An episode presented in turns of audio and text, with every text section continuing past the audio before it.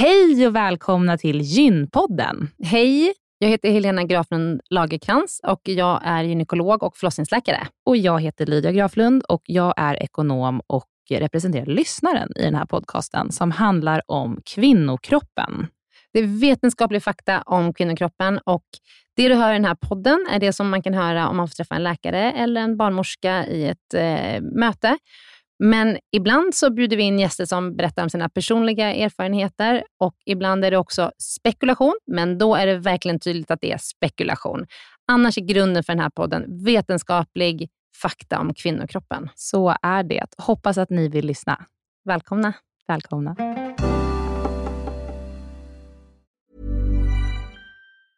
There's never been a faster or easier way to start your weight loss journey than with PlushCare.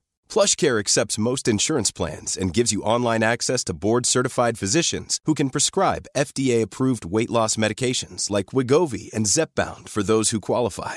Take charge of your health and speak with a board-certified physician about a weight loss plan that's right for you. Get started today at plushcare.com slash weight loss. That's plushcare.com slash weight loss. plushcare.com slash weight loss.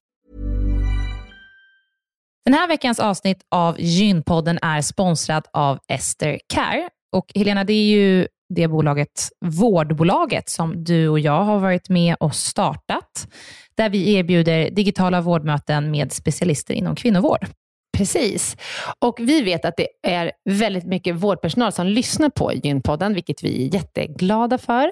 Och vi behöver alltid fler gynekologer till STKR. Så därför vill vi nu göra en shout-out till alla er som lyssnar där ute som vill vara med och förändra svensk kvinnovård.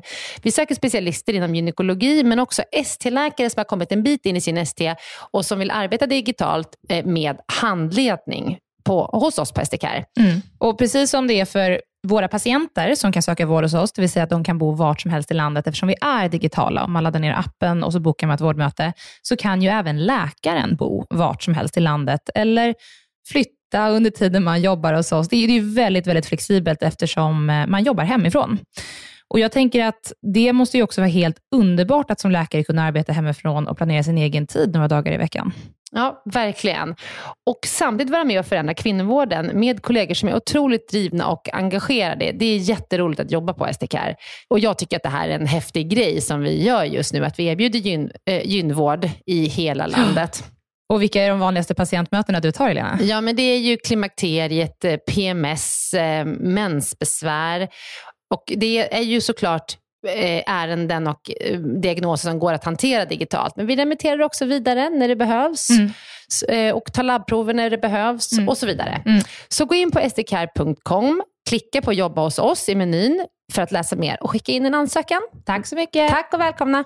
Hej, välkomna till Gynpodden. Välkomna till Gynpodden. Idag har vi ett uppföljningsavsnitt på amning, Helena. Yes, vi hade ju ett eh, amningsavsnitt i våras, mm. eh, där vi pratade lite mer om generellt med, om amning, vad som är fördelarna, när det kan liksom vara bra och vad som kan vara jobbigt. Men nu ska vi prata om komplikationer. Och alla mängden frågor vi har fått från Instagram. Ja, De ska vi ta upp också. Och vem är vår gäst?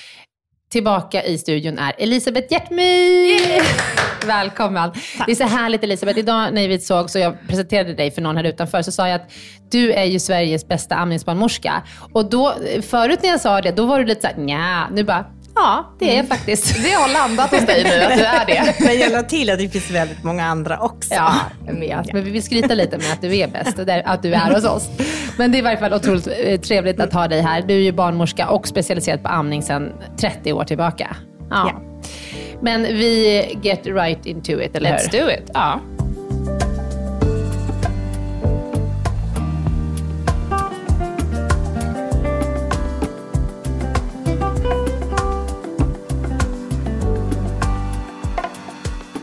Vi börja prata om mastit, mjölkstockning, fysiologisk stas och när man kan behöva behandling. Och det kan värsta vi... som kan finnas då, eller som kan bli som en komplikation är då bröstböld. Kan vi börja med att prata om vad allt det här betyder? Ja, ja. det måste vi göra. Vad är mastit?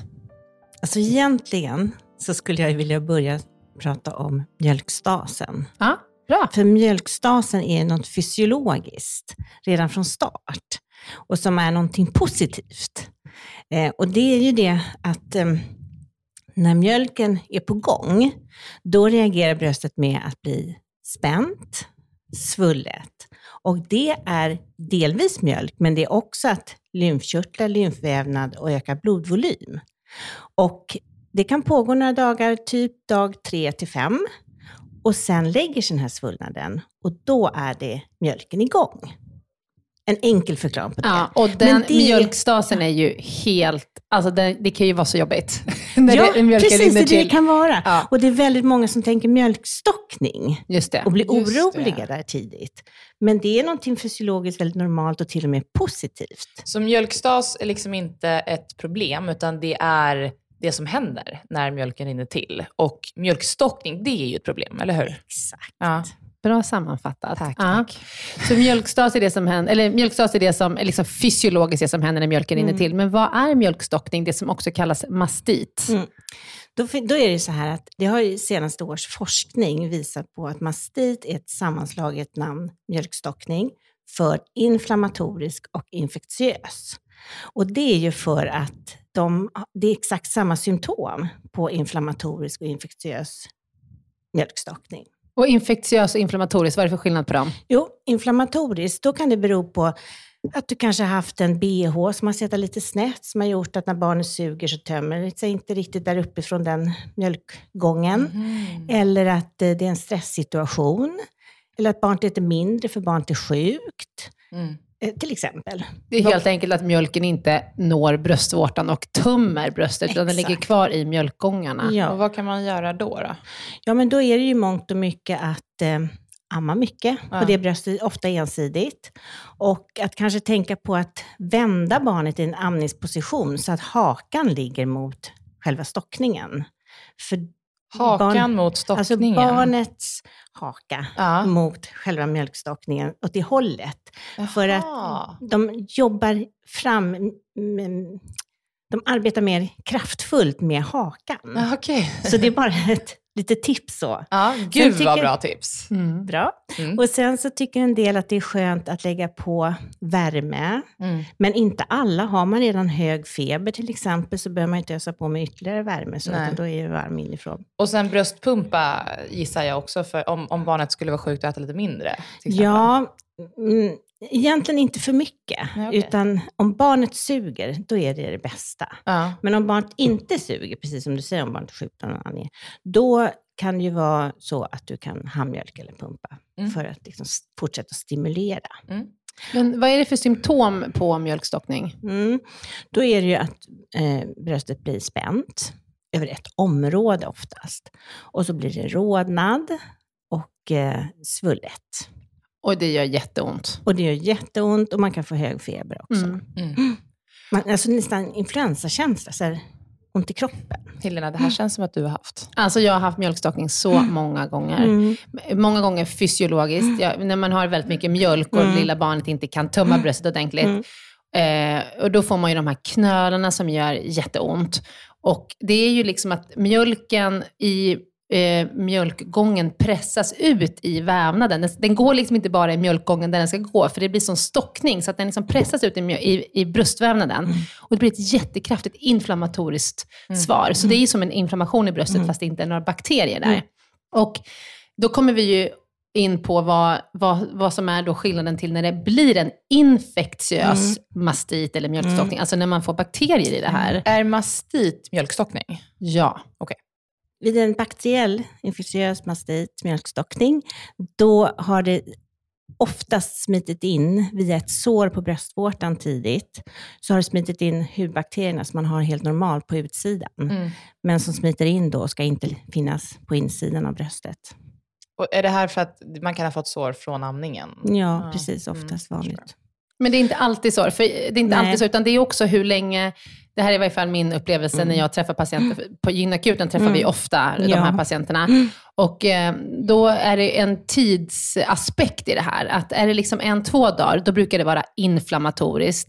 Men har den hållit på i en vecka eller sådär, då är det oftast en inslag av bakterier. Och det är jättesvårt att veta. Alltså behandlar man oftast med antibiotika om, de har, om man har haft det här länge. Vad är länge då? Ja, men är man haft det i fem, sex dagar skulle jag säga. Jag kan inte säga någon exakt tidpunkt, det beror på såklart hur sjuk man är. Har man jättestora sår, och, så då kanske man sätter in antibiotika tidigare. Men jag kan berätta min erfarenhet av eh, den, när jag ammade Ester, min yngsta dotter. Så då fick jag mjölkstockning. Eh, och så gick jag hemma, åt Alvedon, Ipren och masserade, försökte amma, ändra amningsställning som du beskriver och värme. Och det liksom släppte aldrig, utan jag kände bara, och jag har haft mjölkstockning många gånger tidigare, och då har jag känt efter liksom två, tre dagar att ah, nu vänder det. Men eh, mjölken liksom sinar ju lite tillfälligt på det där bröstet då, där man har sin mjölkstockning. Och sen efter sex dagar, då, då var jag, alltså jag kunde inte hålla i min telefon. Jag skulle ringa min man som var på jobbet. Jag skulle ringa och säga här, jag mår så dåligt. Jag hade sån frossa, så jag kunde inte hålla i telefonen. Den bara, jag kunde inte läsa på skärmen. Och då eh, tog jag en taxi in till akuten och då hade jag 40,7 graders feber. Oj. Ja, och jättehög snabbsänka. Och eh, då kan man ju säga så här, då har man ju troligtvis fått en bakteriell infektion. Eh, och då, då fick jag intravenös antibiotika. Men det här var lite fortfarande under covid-tider, så att, eh, jag, fick det liksom på akuten, en högdos intravenös antibiotika. Och sen så fick jag åka hem med tabletter. Sen har jag nästan minnesluckor två dagar efter det. Jag var så Ja. dålig. Ja. Men sen vände det och sen blev jag ju helt bra. Liksom.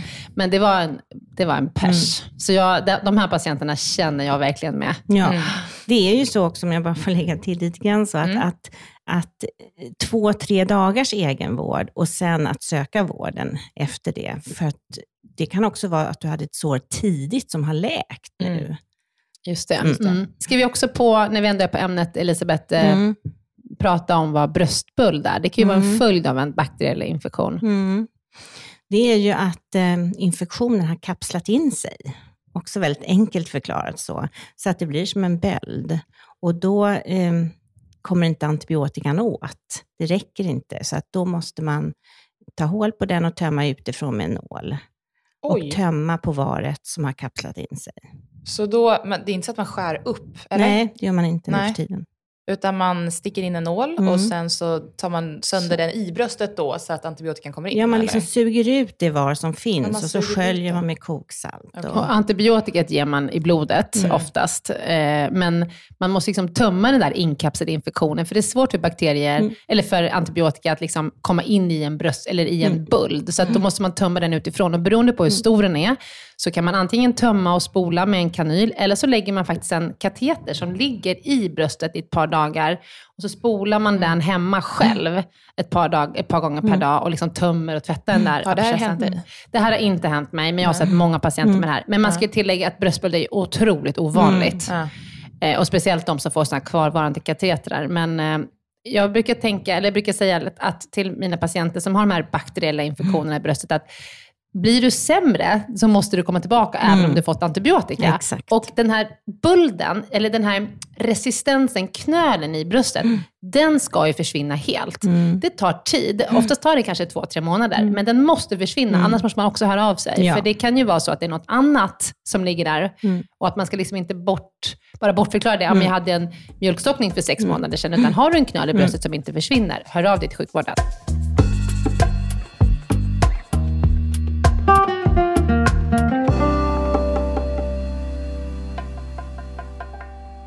Nu går vi över till svamp. Elisabeth, vad är symptomen och eh, hur kan man behandla? Svamp är ju att det har satt sig först och främst på utsidan av brösten, på, alltså på bröstvårtor och vårtgårdar. Och då blir det väldigt torrt, det blir så ilsket rött, det blir små sprickor i botten av bröstvårtan och det gör förstås jätteont att amma. Klåda kan man ha också. Ja. Och sen kan ju den här svampen smita in i bröstet och då blir det symptom som att det ilar och bränner och skär nästan som knivar bak mot Usch. ryggen. har jag fått det beskrivet många gånger. Och då är det inte alltid samma med amningen, utan det kan vara efter amningen eller mellan amningarna till och med. Så märker man någonting på barnet? Det kan vara så att barnet har eh, torsk, som är, alltså en, alla barn har en, en eh, svampflora i munnen helt normalt, men när det blir en överväxt, då blir det som ett vitt eh, vad ska man säga, lager på tungan. Det tycker jag man ser på många bebisar. Det måste vara ganska vanligt, eller? Ja, fast det man ser på många bebisar, det är kanske snarare bröstmjölk. Aha, den ligger kvar där ja, lite grann. den ligger Okej lite. Mm. Så det kan man ibland inte vara så lätt att se. Nej, okej. Men sen om det är verkligen är överväxt, då, då lägger sig på insidan läpparna, på insidan kinderna, okej. upp i gommen och liksom Ja. blir Så hur behandlar man svamp? Om barnet har och mamma har mm, besvär så behandlar man barnet för sig med eh, Mixturnystin X, en milliliter gånger 3 till 4. Mm. Och då är det ju viktigt också att det inte bara ska ner i magen på barnet, utan den ska verkligen hamna i munnen först.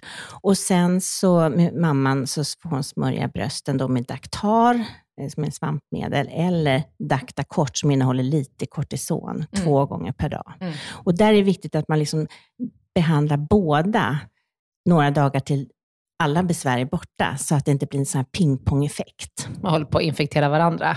Precis. Det. Mm. Och skulle det vara så att det har kommit in i i bröstet och de här smärtorna som jag beskrev, då är det ju eh, en medicinering som Mm. man eh, tar. Mamman heter. Mm.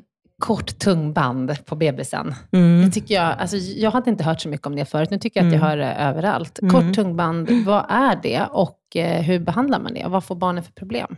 Många frågor, men må- det, det, tungbanden man har under tungan, riktigt kort tungband, då fäster tungbandet ända fram i tungspetsen. Så att barnen kan liksom inte ta fram tungan. Den blir alldeles hjärtformad då.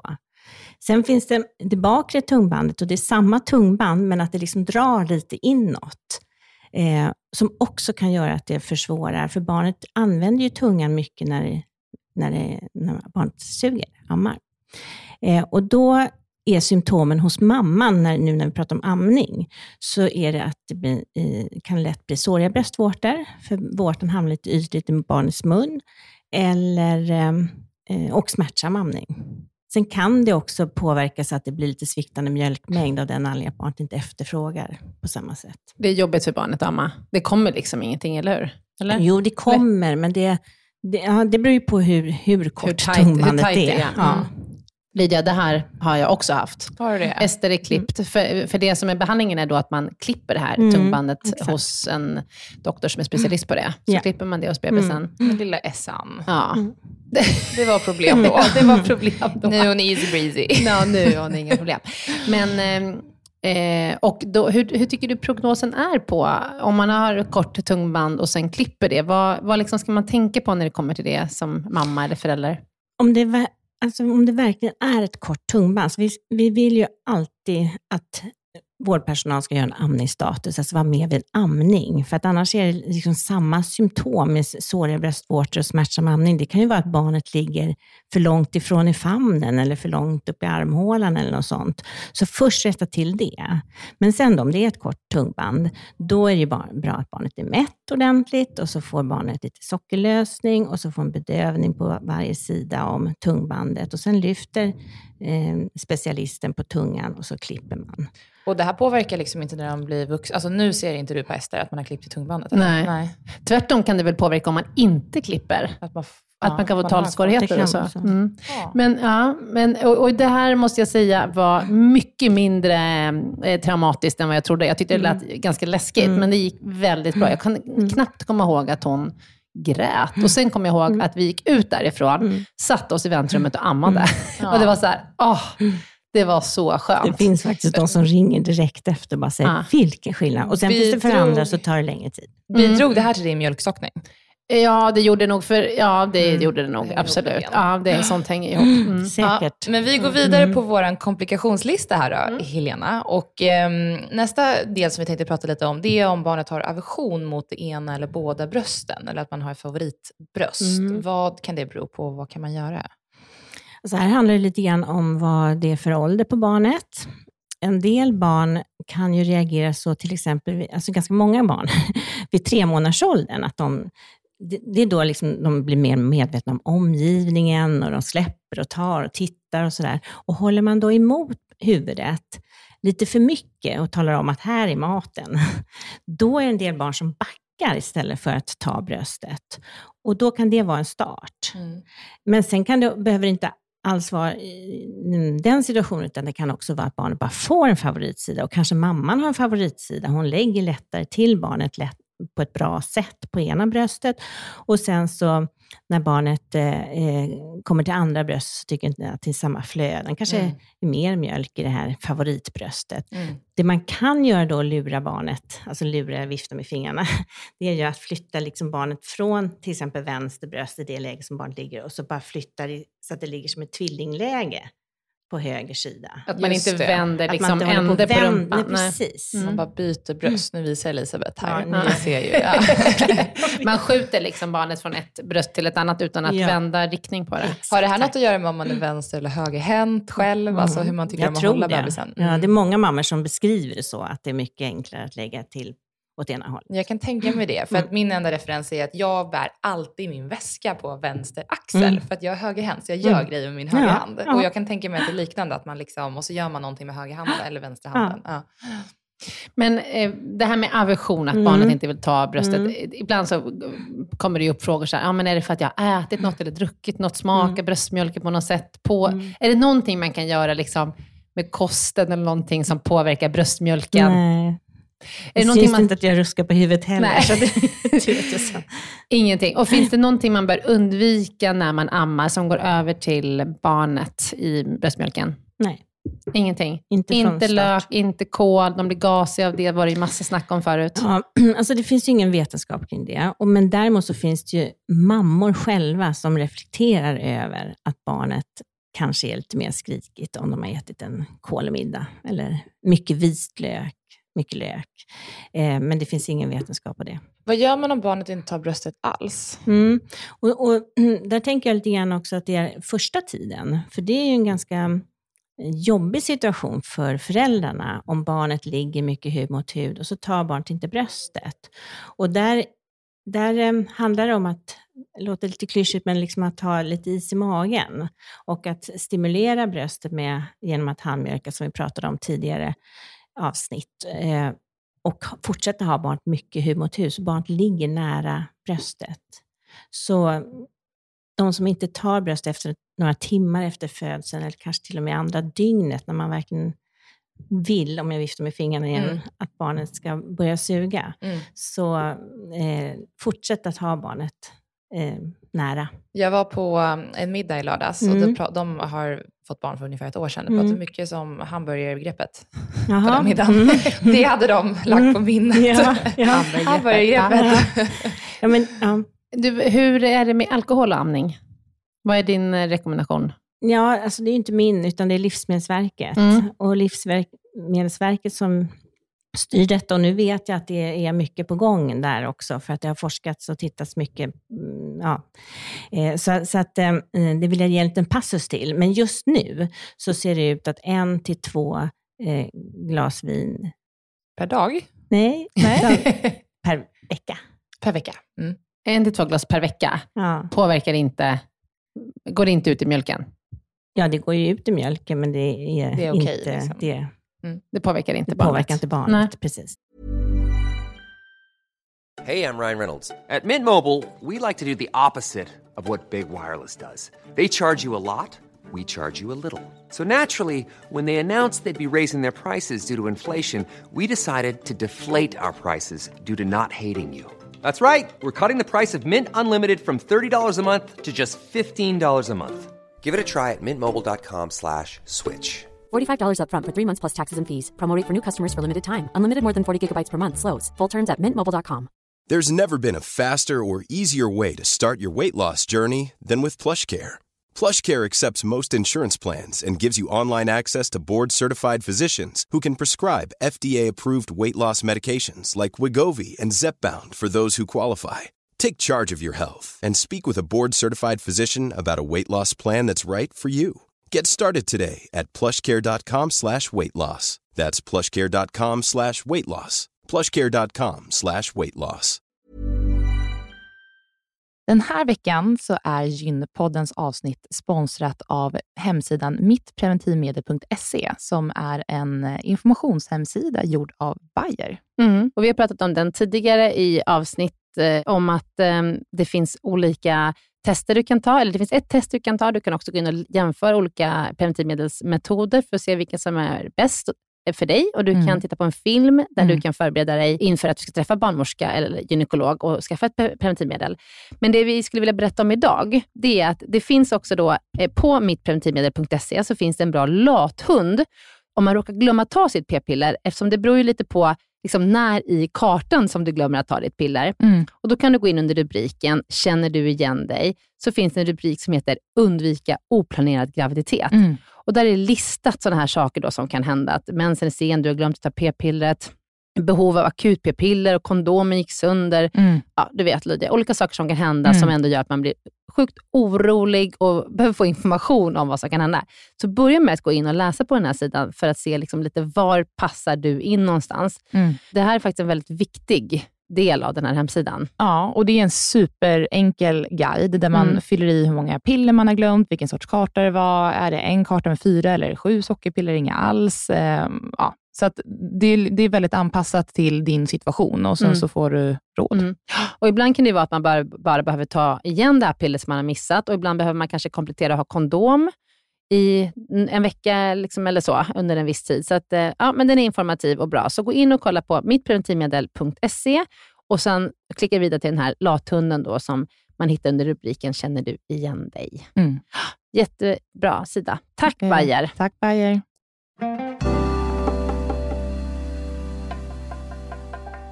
Men du, då ska vi eh, ta lyssnarfrågor. Ja, jag börjar. Kör. Hur ändras mjölkens innehåll allt efter barnet blir äldre? Det här pratade vi lite om i förra avsnittet, men om Ja. du var kort och bara åter... Ja, men det är en ganska vanlig fråga. Och det är ju så att ehm, just din, som mammas, bröstmjölk är anpassad till just ditt barn. Och den förändras vart eftersom. Eh, så att den eh, passar, helt Mm. enkelt. Mm. Ju äldre barnet blir. Här är ju en intressant fråga. Känner mammans immunförsvar av när barnet är sjukt och skickar antikroppar? Det tror jag inte. Vad tror du? det? Nej, jag tror inte det. Tyvärr, det hade ju varit fantastiskt Ja, Jag effektivt. tänker mer på, på immunsystem. Nej, inte, inte på det sättet. Nej, eh, det, man får ju generellt alltså, man får antikroppar. antikroppar, Mm. precis. Men inte specifici- Alltså, specifikt för vissa sjukdomar som barnet har, virusinfektioner, utan det är ett generellt förbättrat immunförsvar av antikroppar från mammans bröstmjölk. Ja. Leder amning till hängigare bröst? Nej. Nej. Nej, det säger jag faktiskt. Alltså det är klart att brösten eh, påverkas. Ja. Jag vet inte om du har ett helt annat svar, Helena. Jag tänker att det är graviditet och överlag och ålder. Jag vet inte om man kan säga att just amningen, att det är det som leder till hängigare bröst, utan att det kanske är ålder och graviditet Mm. tillsammans med kanske amning. Mm. But it's worth På- it. Jag På tänker något att de tänjs ut av mjölken. Ja. Det måste ju påverka ändå. ja. Mm. Men vi vet inte, vi kan inte säga att amningen gör I sig, att- nej. Nej, det skulle jag vilja säga. Eh, vad har långtidsamning, alltså om man ammar barnet som är äldre än ett år, för effekter på mamma respektive barn? Att amma efter ett år, det handlar ju väldigt mycket om eh, mamma och barn. Det är ett val man gör och det är ju bland annat för att det är, är mysigt. Eh, så att alla som vill långtidsamma eh, gör det. Men, men vi kan inte säga, vi kan inte backa upp det med några studier att det är några hälsofrämjande effekter, vad vi vet, eller Nej, hur inte vad jag Elisabeth? känner till. Nej. Kanske anknytning. Kanske anknytning och Absolut. framförallt mysigt. Mm. Mm. Varför sinar mjölken vid mens? Stämmer det ens? Eller hon upplever ju uppenbarligen ja, det. nej, men jag har absolut um, stött på mammor som upplever, som, som eh, plötsligt när, de börjar få, när mensen kommer, att de upplever mindre mjölk tillfälligt. Jag kan inte riktigt säga varför. Nej. Men- Inte jag heller. Ja, okej. Kanske är det också lite för att mensen, om man ammar, eh, framförallt om man helammar, så får man ju inte mens den första tiden, liksom, utan den kommer ju kanske efter ett halvår Mm. eller senare till och med. Och då kanske man har gått över lite mera till att börja ge barnet smakportioner, om det är Mm. sex eller åtta Mm. månader. Varför Och att får det man blir inte en- mens när man ammar? Eh, för det hämmas eh, av att man har höga prolaktinvärden som eh, främjar amningen. Mm. Okej. Så att det är ju, det är ju inte ett absolut skydd mot graviditet. Det ska man ju komma ihåg. För att ah, ägglossningen kommer ju två veckor innan man får sin första amning. Och det är ju inte Nej, helt... sin första mens. Förlåt, innan man får sin första mens. Och det är inte helt ovanligt att kvinnor blir gravida på sin första ägglossning. Nej. Och så tänker man så här, vad sjutton, jag har inte haft en mens än. Så att man ska ju inte ta det för, Nej. för for sure. Liksom. Utan Men, det är just mensen då som inte kommer. Men ägglossningen sker ju. nej, Inte ägglossningen heller. Alltså ägglossningen hämmas av prolaktin och Okej. därför får man ingen mens. Men man ska komma ihåg att ägglossningen sker ju två veckor innan man får sin första Mm. mens. Så man kan inte säga så här, jag har inte haft min första mens ännu efter att jag fick barn, alltså Mm. kan jag Man inte bli gravid. inte. Utan det är ganska många som blir gravida på sin första ägglossning och så Ja. tänker man så här, vad sjutton, jag har inte haft någon mens än och nu är jag. Det är helt omöjligt och så kanske man är i vecka tio liksom, för man har inte fattat att man är gravid. Nej. Så att eh, man ska, när man, man ska, vid återbesöket på, eh, på barnmorskemottagningen, ska man diskutera preventivmedel. Om man inte vill ha ett barn direkt. Och mensen kommer tillbaka väldigt olika. En Ja. del mm, handlar om några sex timmars eh, gränsen, alltså uppehåll mellan amningarna. Men det finns ju de som får mens i alla fall, eh, om, även om man ammar lite mer. Så. Ja. Ja, det här resonemanget jag förde nu med att det, att det sinar när mensen kommer, det är ju helt min egen reflektion, ska jag säga. Jag vet inte varför, men, många upplever att mensen, när mensen kommer, att liksom mjölken blir, ja men sinar lite. Ja, det blir lite mindre ett par dagar, men sen kommer det ju tillbaka. Alltså det är tillfälligt under själva mensen. Okej, du tänker ja. så. Ja, det är det jag har stött på. Ja, jag tänker att det generellt Aha, sinar. Ja, jag förstod nästan när det. mensen start, liksom, Mm. kom, när ägglossningen kommer igång. Men det, jag vet som sagt inte det. Nej. Nej. Så uh, okej, men där fick ni Elisabeths svar och mitt svar och ni får eh, tolka det utefter era egna eh, liksom, erfarenheter. Eh, jag eh, är gravid i vecka 10 och har platta bröstvårtor. Jag är orolig för om amningen kommer fungera. Alltså det handlar ju så mycket om barnet. Det finns barn som, kan, som har ett kraftigt sugtag, stort gap och tar ett bra stort tag från start och kraftig sugkraft. Och för de barnen är inga problem med en plan bröstvårta. Sen är det klart att det finns gånger eh, när barnet har en lite svagare sugkraft och eh, inte riktigt klarar Och det är då vi kommer in på det här hamburgergreppet som du nämnde, Mm. som jag säger, som att man formar bröstet, stöttar bröstet kan man säga, som en, en eh, smörgås i, i barnets muns riktning, så att det är lättare för barnet att förstå vad barn ska ta i mun. Men det är absolut inte så att alla med plana bröstvårtor får svårt att amma.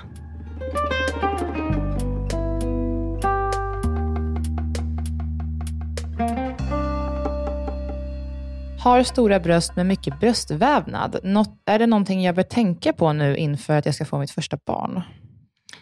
Nej, egentligen inte mer än mm, inhämta den här kunskapen som vi pratade om förra tillfället, Mm. att, att ha barnet mycket hud mot hud och uppmärksamma så. Sen kan det ibland vara ett hjälpmedel att eh, rulla en liten tvättlapp under bröstet, så att det är lättare att se liksom, var är bröstvårtan och var är barnets mun, just när barnet tar tag. Så det är ett sånt där litet enkelt tips som många uppskattar, just om man har eh, lite större bröst. Jättebra.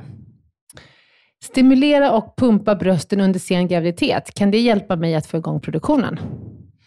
Alltså inte pumpa under sen graviditet, men det vi pratar mer och mer om det är ju att handmjölk, hand, bröstmjölk stimulera. Ge- som man, när man typ handmjölkar. Det behöver inte komma en enda droppe. Och det finns ju riktlinjer för eh, kvinnor som har diabetes att under graviditeten, om man vill, en rekommendation kan man väl säga att det är istället, eh, att ehm, att börja bröstmjölksstimulera vecka 36 plus 0 och 5 till 10 minuter två gånger per dag. Och varför just kvinnor med diabetes? Det är för att vi vet att de barnen ofta behöver tillmatas. Och om det är så att mamman får fram lite bröstmjölk eller om eh, hon eh, bröstmjölksstimulerar så att det kommer ett bröstmjölk tidigare, så kan barnet få råmjölken och den första bröstmjölken eh, det, först, den för, det första dygnet eh, istället för formula, ersättning. Just det. Får jag bara säga en sak till om det? Och jag vet att jag sa det förra gången, men det behöver inte komma en enda droppe när man börjar Utan det är själva stimuleringen. Liksom, Och det är klart att man kan göra det även om man inte har diabetes också. Amning efter bröstreduktion, går det att få en full mjölkproduktion då?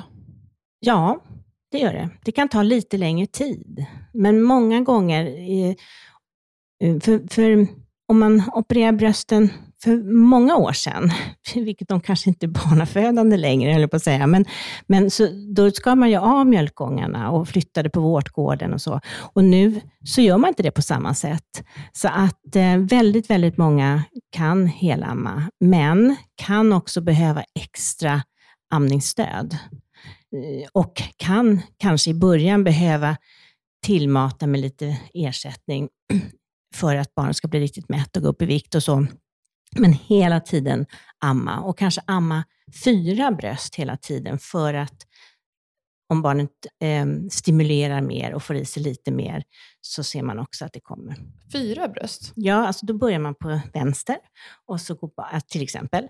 Och så eh, ammar barnet på höger bröst och sen en liten paus och så får barnet suga på vänster bröst igen okay. och sen blöjbyte och så höger bröst.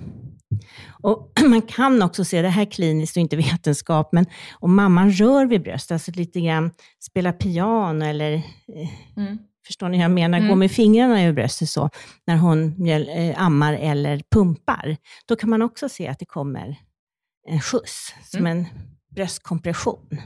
Bra tips. Ja, eh, Elisabeth, nu kommer sista frågan som skulle kunna bli en hel uppsats, men jag tänker att vi kan korta ner den lite. Men frågan är så här, skulle gärna vilja veta mer om amningen i Sveriges historia. Hur länge ammade man förr och så vidare?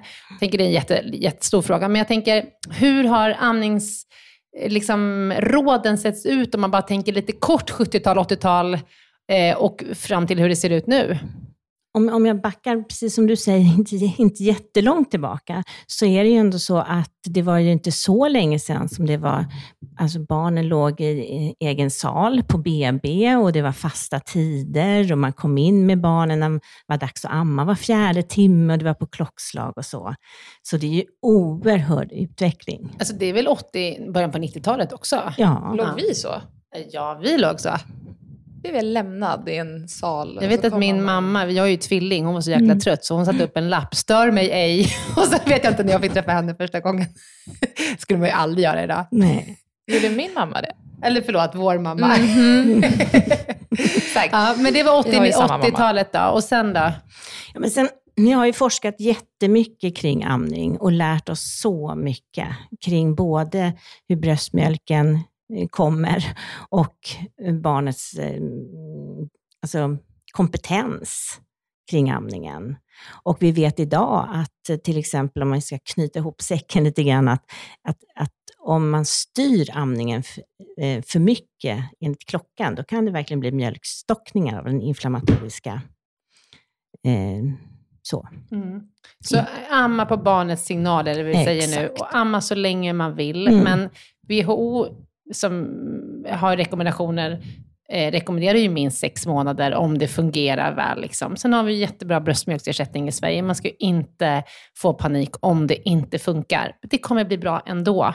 Men funkar amningen så, ska, så uppmuntrar vi till att amma minst sex mm. månader, för vi vet att det har hälsofördelar också. Barnet klarar sig på enbart bröstmjölk och D-vitaminer och eventuella mediciner i sex månader. Mm.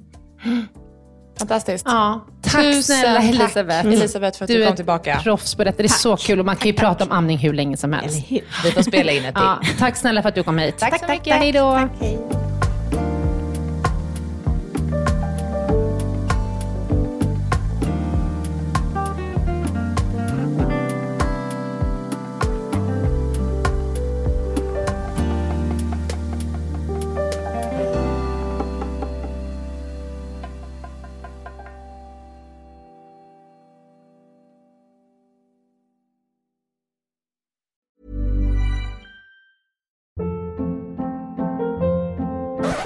Up. What was that? Boring. No flavor. That was as bad as those leftovers you ate all week. Kiki Palmer here, and it's time to say hello to something fresh and guilt-free. Hello Fresh. Jazz up dinner with pecan-crusted chicken or garlic butter shrimp scampi. Now that's music to my mouth. Hello Fresh. Let's get this dinner party started. Discover all the delicious possibilities at hellofresh.com.